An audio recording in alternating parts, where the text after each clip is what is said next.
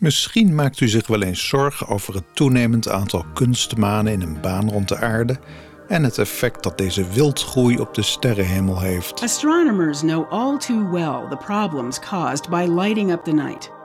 They need clear, dark skies to study the many fascinating objects in the universe. Maar er bestaat een mogelijk veel groter probleem waar niemand haar of zijn vingers aan lijkt te willen branden. En dat is lichtvervuiling van de mens. Light pollution simply washes out their view of the cosmos. Alleen al tijdens mijn vluchtige leven zie ik een enorm verschil in wat er heden ten dagen aan de sterrenhemel te zien is, vergeleken met tijdens mijn jeugd. Wij leefden in de jaren 70 en 80 van de vorige eeuw in een buitenwijk van de stad Groningen. Op het eerste gezicht misschien niet de meest ideale plek om de nachtelijke hemel te bestuderen. Maar goed, een kind kan ook niet op een doordeweekse avond de auto pakken naar Drenthe of iets dergelijks, dus we deden het met wat we hadden. En als ik vergelijk hoe de hemel er toen uitzag met nu, dan is het zicht wel erg afgenomen. Allicht zal de kwaliteit van mijn ogen ook iets gedaald zijn en is de herinnering misschien mooier dan de werkelijkheid. Maar ik denk eigenlijk dat het dat niet is. In Paddepoel Groningen van 1977 zag ik de melkweg vanuit onze achtertuin en testte ik regelmatig de ondergrens van de sterren die ik nog kon zien. De sterrenhemel was ook grotendeels zwart. Vergelijk dat met nu. Nu woon ik dan in de buurt van de stad Utrecht, waar de lichtvervuiling ook groter is dan in Groningen, maar toch. De sterrenhemel, als we er die naam al aan willen geven, is een beetje een grijs-groene koepel met hier en daar een ster. Ook op de winterse nachten dat de maan geen roet in het eten gooit. In Frankrijk op vakantie zien we dan soms wel de Melkweg, maar het is niet die adembenemende aanblik van sterren tijdens de vakanties van mijn jeugd. Een enkeling van u heeft misschien ook wel eens zoveel sterren gezien dat het lastig was de sterrenbeelden te herkennen. Wanneer had u die ervaring voor het laatst? Volgens een voorzichtige schatting van PBS heeft 80% van de wereldbevolking nog nooit de Melkweg gezien. Misschien kent u het verhaal wel. In 1994 viel bij een aardbeving tijdelijk de stroom uit in een deel van Zuid-Californië. 911 kreeg allerlei telefoontjes van verontruste Amerikanen die vreemde wolken aan de hemel leken te zien. Inderdaad, zij zagen voor het eerst de Melkweg. Aangezien uw woning de komende jaren nog in diezelfde melkweg zal rondzweven, is het op zijn minst triest dat we door vooruitgang onze geboorteplaats niet meer kunnen waarnemen. Oh. Begrijp mij niet verkeerd, ik ben op zich hartstikke voor vooruitgang. It's the future. Het sentiment dat westerse vooruitgang een slecht goed is, laat ik over aan groepen die daar op YouTube en Facebook propaganda over verspreiden, gefilmd met hun mobiele telefoons en state-of-the-art CCD-chips. Maar als we dan toch bewust worden van ons effect op de natuur om ons heen, misschien kan de vooruitgang dan wel wat rekening houden met de dromers, de dichters, de sterrenaanschouwers en het dierenrijk. Want dat laatste heeft beslist last van al dat licht. Terwijl wij een mug doodmeppen, een lijmstrook ophangen in ons vakantiehuisje tegen de vliegen en de gesteriliseerde huisdieren liggen uit de buiken van de laatste biologische zalmpaté, is er ook een hele natuur buiten ons die ernstig lijdt onder lichtvervuiling. Voor veel beestjes zijn maan en sterren een kompas, zo lezen wij in een artikel van biologen Tidau en Torres Diaz in Space.com. Zij beschrijven hoe strandvlooien in een experiment met kunstlicht minder effectief worden in het 's nachts zoeken naar voedsel. Insecten zijn minder in staat aan vleermuizen te ontsnappen, omdat ze continu bijgeschenen worden door onze verlichting. De clownvis heeft de duisternis nodig om eieren uit te laten komen, en dat gebeurt dus ook veel minder. En de mestkever is dusdanig gedesoriënteerd zonder zicht op de melkweg dat deze beestjes hun woning niet meer terug kunnen vinden, laat staan ergens kunnen afspreken met hun laatste date. Als u denkt wat een larikoek, mestkevers die zich oriënteren met de melkweg. Ik twijfel hieraan. Een link naar het onderzoek vindt u in de show notes van deze podcast.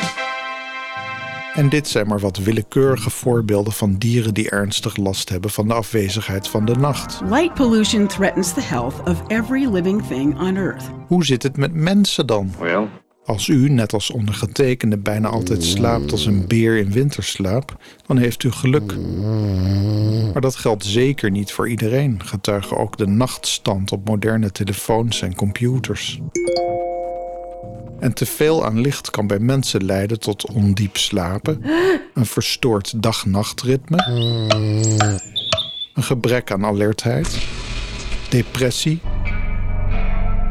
suïcide overgewicht.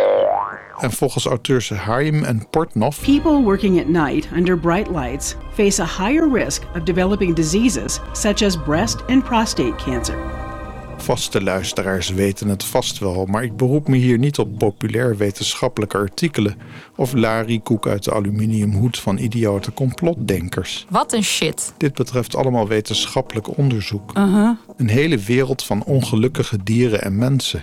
En waarvoor eigenlijk? Waarvoor eigenlijk? Gekscherend wordt wel eens gezegd dat we s'nachts alleen de onderkant van insecten, vogels en vliegtuigen bijlichten. Veel beter is het ook niet. Volgens een onderzoek uit 2006 van de Energy Agency verdoen we wereldwijd met alleen straatverlichting al 114 terawattuur aan energie per jaar.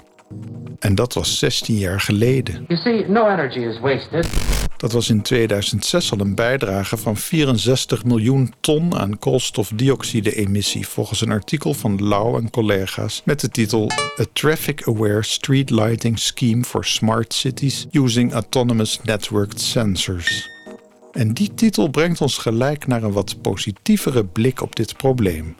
Want we kunnen wetenschappelijke artikelen en use cases blijven aandragen tot de varkens over het ijs dansen, maar het punt is nou wel gemaakt. Wat kunnen we doen? Een onderdeel van die vooruitgang is het fenomeen de slimme stad. Hoe u het ook wendt of keert, we leven al deels in slimme steden en deze trend zal nog sterk toenemen de komende jaren. Traffic aware, dat betekent dat verlichting de aanwezigheid van naderend verkeer kan anticiperen en alleen bijschijnt waar dat moet. Maar er is nog veel meer dat wij kunnen doen. There are some simple things we can do to ensure that it's neighborhood friendly, energy efficient, and helps preserve dark skies. Lichten uitdoen waar die niet per se nodig zijn. Een verbod op nachtelijk verlichte reclameborden en zuilen. Of op zijn minst een hele hoge accijns. De intensiteit van lichtbronnen dimmen. Het stralingsbereik van lichtbronnen verminderen. De frequentie van het licht in toom houden. Er bestaat een neiging tot gebruik van wit licht, maar voor heel veel toepassingen is dit overdreven. Op lightpollutionmap.info kunt u zien dat we het in Nederland en België wel heel bont maken. Moet dat nou? Ik snap dat het vanuit economisch of veiligheidsstandpunt hier en daar noodzakelijk is s'nachts het licht aan te houden, maar ik zou toch willen pleiten voor een herevalueren van de noodzaak van al deze lichtvervuiling voordat het te laat is. Als u er meer over wilt lezen of u zelfs wilt inzetten voor een donkerdere nacht, dan is er de International Dark Sky Association. Misschien is het tot slot aardig om even te doen alsof we gewoon in onze achtertuin de sterrenhemel en daarin onze melkweg zien. Sluit rustig uw ogen, struikel niet over uw denkbeeldige drempel en sluit stilletjes de deur. U wilt toch niet dat de buren wakker worden van uw nachtelijke escapades? Oh, de hond van de overburen is toch gealarmeerd. U kijkt omhoog in deze ijskoude winternacht. Daar prijkt sterrenbeeld de leeuw prachtig aan de hemel. En die twee heldere sterren, dat zijn Castor en Pollux van het sterrenbeeld de tweelingen. En die heldere band die over het hemelgewelf spant, is onze melkweg. Heel mooi hoe sterrenbeelden de zwaan en de arend er middenin lijken te liggen. Oh, een uil roept. Hoe mooi die sterrenhemel. Het is alsof u diep het verleden instaart. Met alleen al een paar minuten buiten wennen uw ogen aan het donker en ziet u steeds meer. Tot de volgende keer. Light pollution is a problem each of us can help solve. Together, we can bring back the dark of night to planet Earth.